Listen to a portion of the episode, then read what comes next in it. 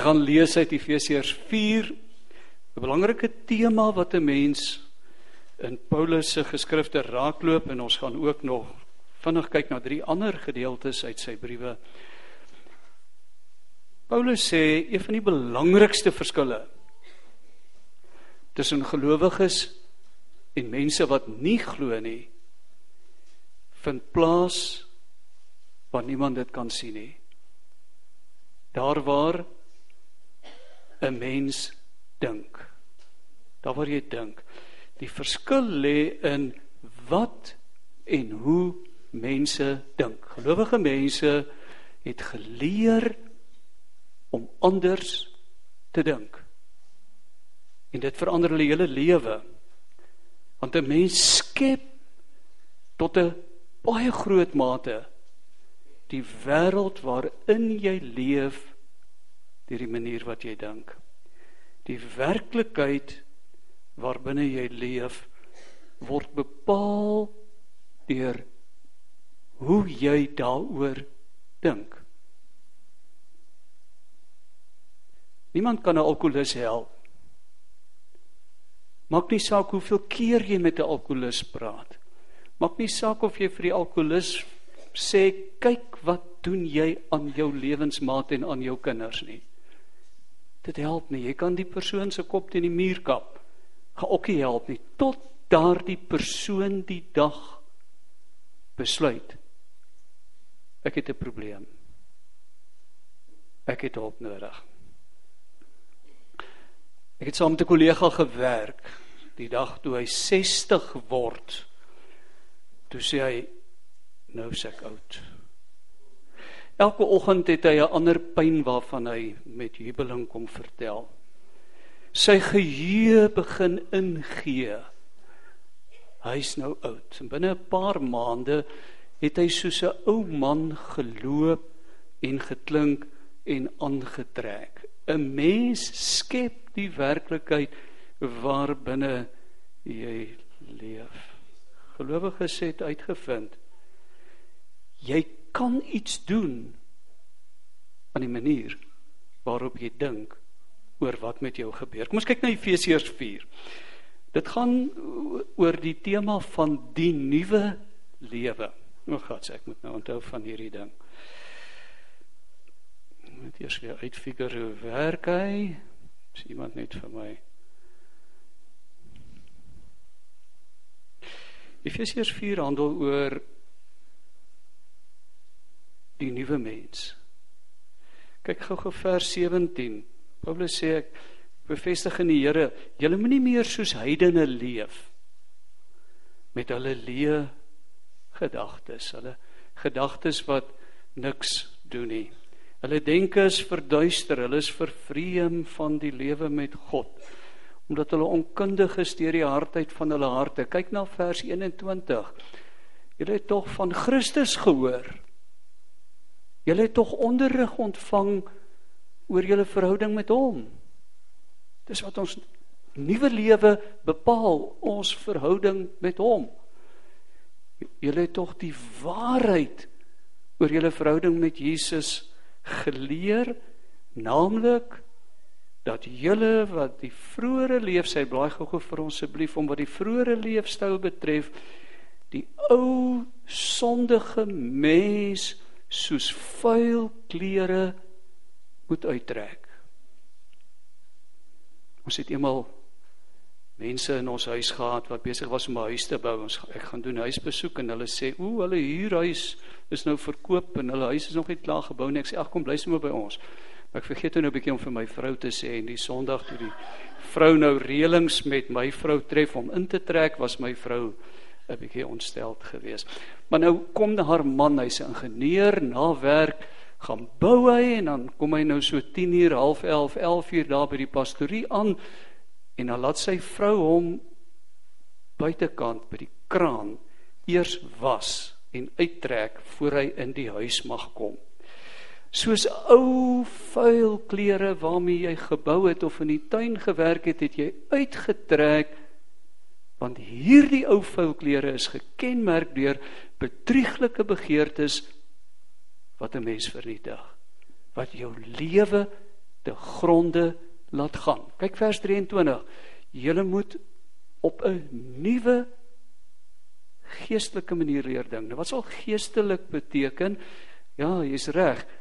Deur die Heilige Gees leer om nuut en anders te dink. Met ander woorde, 'n Christen moet erns langs die pad aanleer om jou gedagtes te weeg.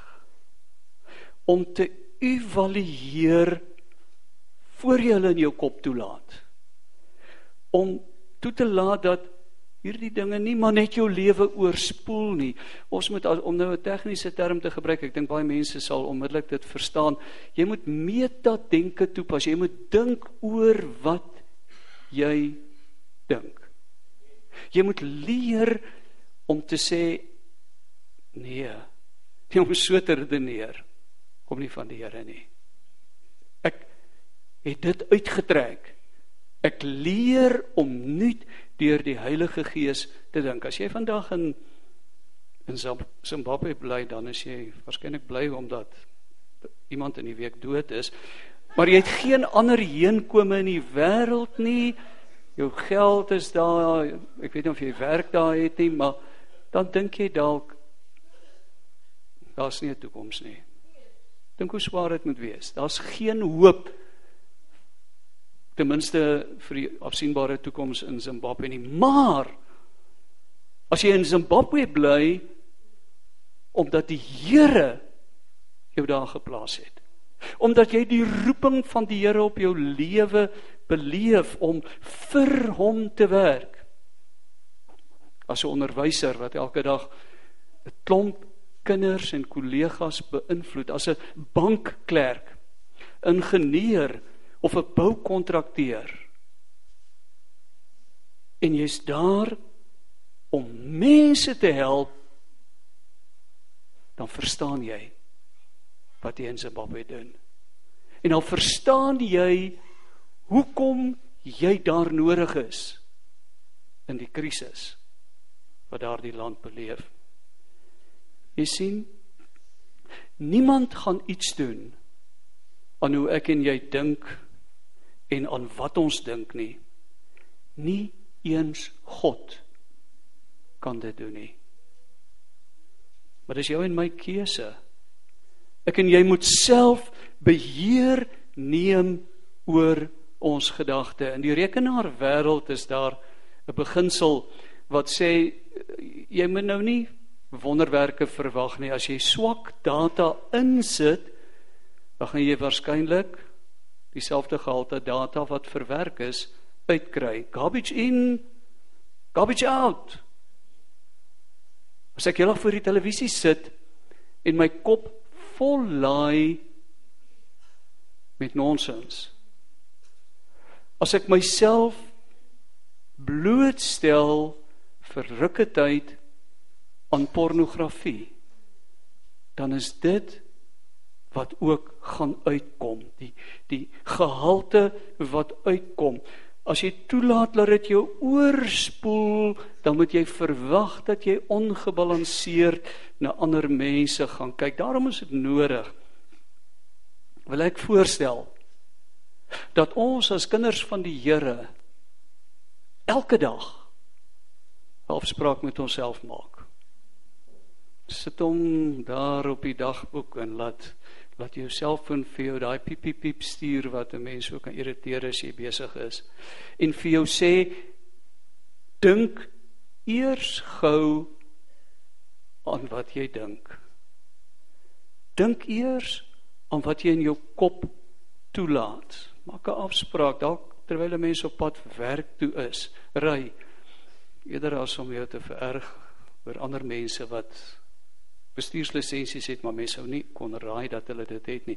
Of terwyl 'n mens skorrelgoed was, wat na my opinie een van die mees sinnelose dinge is wat daar in die lewe is om te doen, dink oor waar aan 'n mens dink. Dink oor wat in jou lewe gebeur en hoe jy dit beleef.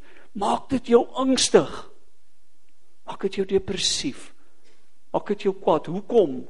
Is dit die emosie daarop. Herdink, herbesoek hoe jy daaroor gedink het wat daardie emosie veroorsaak het en vra as ek daardie gebeure nou weer 'n keer optel maar hierdie keer in die kragveld van die Heilige Gees en van God se roeping wat op my lewe rus wat sien ek dan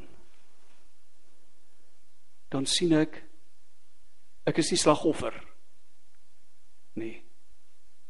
Ek is kind van God en hy laat toe hierdie krisisse my pad langs kom want hy's besig om iets in my lewe te doen. In plaas daarvan om moedeloos of negatief te word, word ek opgewonde. Ek sê Here, ek sien U is besig om iets groots in my lewe te doen.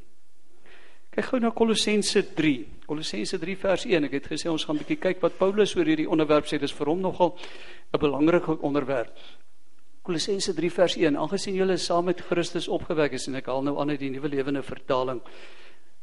Kyk hoe dit in jou vertaling lyk. Aangesien julle saam met Christus opgewek is, weet ons dit. Ons is saam met Christus opgewek want ons het ons vereenselwig met sy dood. En die dag as die dood jou in my pad langs kom dan is ek en jy immuun daarteen. Daarom sê Jesus in Johannes 11 vers 25 vir Martha by haar boetie se graf elkeen wat in my glo sal lewe al sterwe hy ook van die definisie van die ewige lewe Johannes 17 vers 3 is en dit is die ewige lewe dat hulle in u glo en in u enige gebore seun. Dis 'n nuwe kwaliteit van lewe wat gesimboliseer word daarmee dat ons saam met Christus opgewek is in 'n nuwe lewe. En omdat dit die waarheid van ons lewe is, mik in die lewe Nou daar's mos nou die spreekwoord wat sê mik vir die aarde en jy sien jou bas. Mik vir die maan en jy tref die aarde. Mik vir die dinge wat daarbo by Christus is.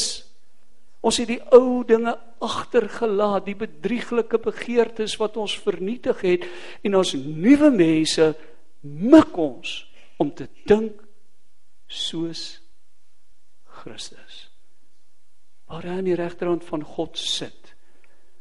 Ons moet leer om nie hier ons oog te hou op die mis soos al die ander hoenders rondom ons nie, maar om ons oë op te tel en die toekoms te sien waarvan dokter Bell vanoggend gepraat het. Ons is mense met 'n goue toekoms. Vers 2. Laat julle gedagtes beheer word deur die hemelse dinge. Paulus het nou nou in die teks wat ons gelees het gesê geestelike dinge, die dinge wat die wat die gees onder ons aandag bring. Die dinge wat daar bo is waar Christus is waar hy sit, nie deur dinge op hierdie aarde nie. Wat ek wil voorstel is dat 'n mens die teks van jou lewe herskryf. Dat jy as 'n nuwe mens jouself begin sien. Deur elke dag vir jouself te sê om jouself te herkondisioneer. Die plaat wat oor en oor en oor speel totdat jy dit uit jou kop ken. Herkondisioneer deur te sê ek is 'n kosbare kind van God. Ek staan in sy diens. Ek werk nie vir die koöperasie of vir die Vrystaatse onderwysdepartement of vir wie ook al nie. Ek staan in die eerste plek in sy diens. En dit maak my lewe en alles wat in my lewe gebeur vol betekenis. Die kleinste detail. Die geringste mens met wie ek te doen kry is 'n geleentheid om goed te doen. en betekenis in hierdie wêreld te skep. Die petroljoggie wat ek vriendelik behandel. Vra wat se ure werk jy? Waar bly jy? Waar het jy lank om by die werk te kom? sien jy ooit jou kinders? Ek lewe nie vir myself nie. Herkondisioneer jouself elke dag en sê ek lewe nie vir myself nie. Ek, ek staan nie in my eie diens nie. Ek is geroep deur God. My lewe het waarde. En hy gee vir my alles wat ek nodig het. Onthou wat sê 2 Petrus 1 vers 3, sy goddelike krag het ons alles gegee wat ons nodig het om te lewe en om hom te dien. Ek het niks meer nodig nie, hy is vir my genoeg. Daar's niks waaroor ek bekommerd hoef te wees nie. Want my lewe is in sy hand. Niemand kan my uit sy hand ruk nie. Ek is kosbaar en waardevol vir hom. Ek vrees niks wat my bang wil maak gee ek in die Here se hand. Hy's groot genoeg om vir my te sorg en ek is positief oor my lewe. Hoe anders as die Here dan in beheer van my lewe is. Ek gee graag as dit nodig is alles omdat ek die Here dien wat alles vir my gegee het. My stryd is nie om sukses in my beroep te behaal nie, maar om lief te hê soos my meester liefhet. Dis die taal van die nuwe mens. Dis die mens wat geleer het om te dink die dinge wat daarbo is, die dinge wat die gees in ons harte bevestig. Dis wie ek is. Dis wat ek hier doen. Ek kan baie goed verstaan as 'n man baie kwaad is omdat sy vrou in hierdie land verkrag is en hier wil weggaan en nooit weer terugkom nie. Ek kan verstaan dat mense wat slagoffers van gewelddadige misdaad of korrupsie of nuwe rasse diskriminasie is. Mense wat slagoffer is van kontrakte wat nie toegeken kan word nie alhoewel jy die beste is het het jy toevallig hierdie gestremdheid dat jy die verkeerde kleur en geslag is. Kan verstaan dat mense moedeloos in hierdie land word. Maar Christene het die geheim aangeleer om dit waarin hulle hulle bevind in die kragveld van geloof in hulle God te bring en te sien hoe alles anders lyk. Ek is hier. Want God wil hê ek hier moet wees. Ek hou nie aan sukkel met kinders wat nie wil leer nie. Ek het 'n roeping teenoor hulle. As jy vandag na 'n radiostasie luister of sosiale media jouself blootstel wat jou leer wat die werklikheid van Suid-Afrika is sonder om dit in verband met geloof te bring sodat jy later negatief oor jou lewe en die land word kry 'n ander radiostasie. Kry iets anders om jou kop mee vol te maak Maak jou kop nie vol met negatiewe dinge nie. Ons mag realisties wees. Ons mag sê dit gaan vrek sleg met Suid-Afrika se ekonomie. Ons mag sê die staatsbeheerde instansies is besig om die staatskas te dreineer. Maar daarmee saam moet ek net onthou om te sê maar God is in beheer. Hy besluit. Onthou Twee weke terug het ek gepraat van 'n koning wat sê kyk net wat het ek alles tot stand gebring. En 'n paar dae later loop hy saam met die diere in die veld rond en sy hare groei woes en sy naels groei uit totdat hy na 7 jaar opkyk en sê Here, u besluit. U is in beheer. Ek lees onlangs die gebed van 'n vrou wie se man op 'n plaas vermoor is waarin sy aangerand is. 'n Gebed wat sy by sy roudiens laat lees. En ek sê waar kry 'n mens soveel genade? Sy sê Here U het ons hierdie les geleer uit ons verlies wat ons nooit voorheen verstaan het nie.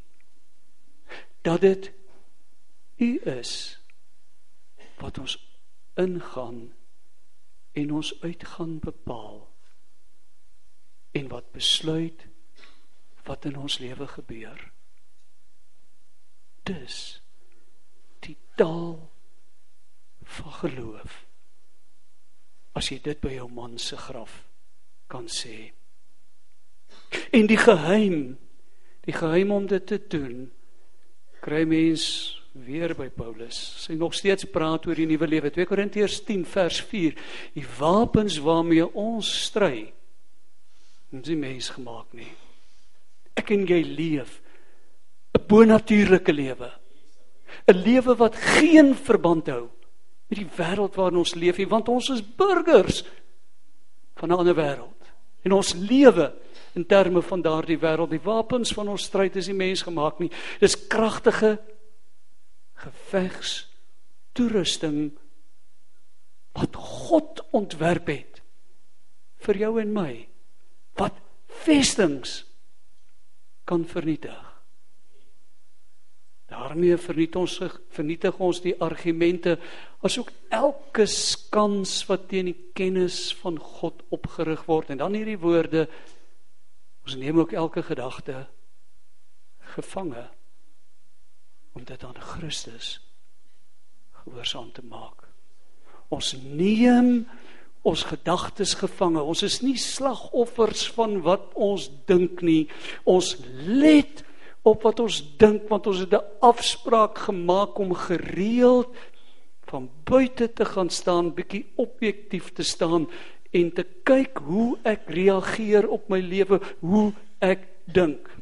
Ons geveg in hierdie wêreld is teen die manier waarop ons dink.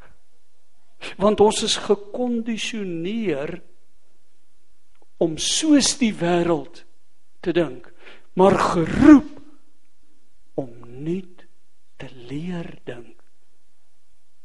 Ons veg met geestelike wapens om elke gedagte gevange te neem en aan Christus gehoorsaam te maak sodat ons ons geloof in wie God is wat hy vir ons doen en waarvoor hy in ons lewe betrokke geraak het om dit in ons daaglikse lewe te integreer.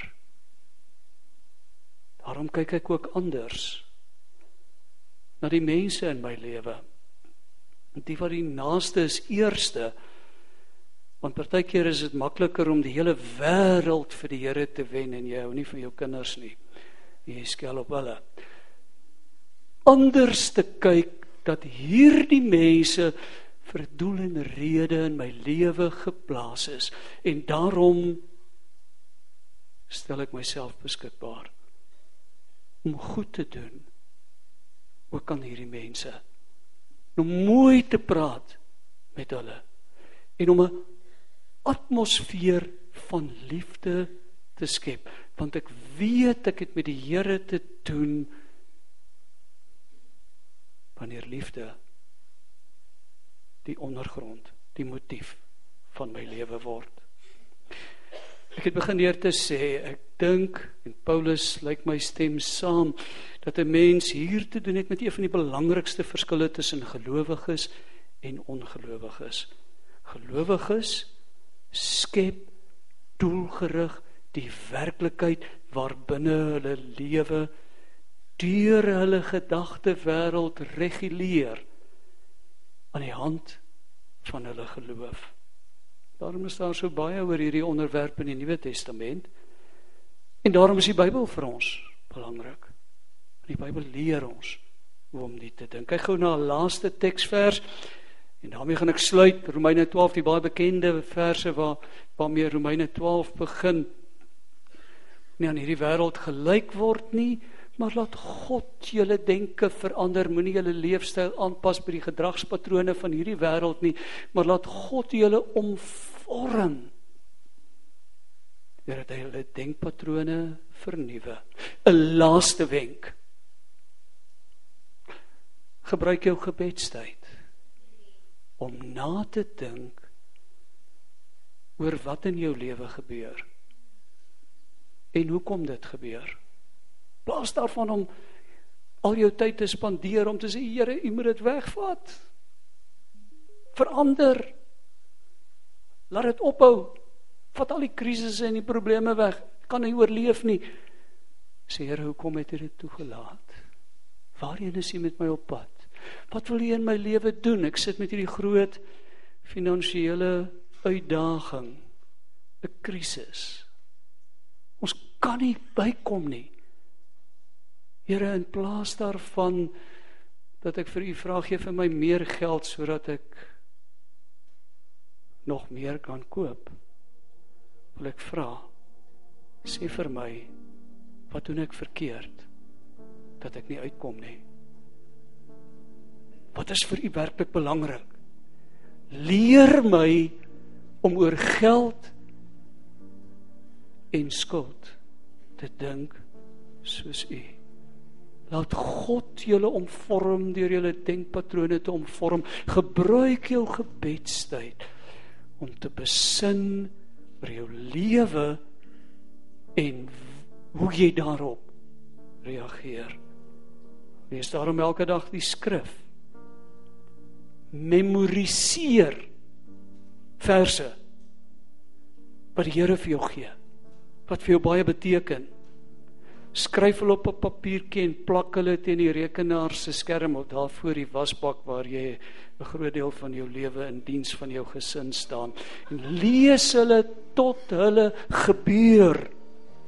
Herskryf jou denkpatrone, laat die Here toe om jou te leer om anders te dink. Dis die sleutel tot 'n positiewe lewe vol kleur en betekenis. Hemelse Vader, as U met ons praat, is ons haastig om dit te gaan doen. Want wat die Here sê, is die belangrikste van alles. Dat U woord nie vermoere onverrigter sake na U sal teruggaan nie soos die profeet gesê het, maar dat dit ons lewe sal verander want u woord is die waarheid. U woord word nie iewers in China gedruk nie. U woord is die persoon Jesus Christus. Omdat ons in 'n verhouding met u staan, Jesus. En omdat u ons nie alleen en ons weeskinders agtergelaat het nie, maar u gees in ons lewe uitgestort het. Daarom is ons nuwe mense. Ons bely het alles nuut gemaak. Kom leer ons die res van vandag en vir hierdie week wat dit beteken om as 'n nuwe mens te lewe. Om die ou dinge agter ons te sit. Om dit soos vuil klere uit te trek en nuwe klere aan te trek. En as daardie klere vuil word om dit weer uit te trek en in gebed gesprek met u nuwe klere aan te trek en dat dit sal aanhou totdat ons ophou om op ons klere te mors en ons lewe van u genade en liefde getuig. Dis my gebed my seënwens vir u gemeente in Jesus se naam. Amen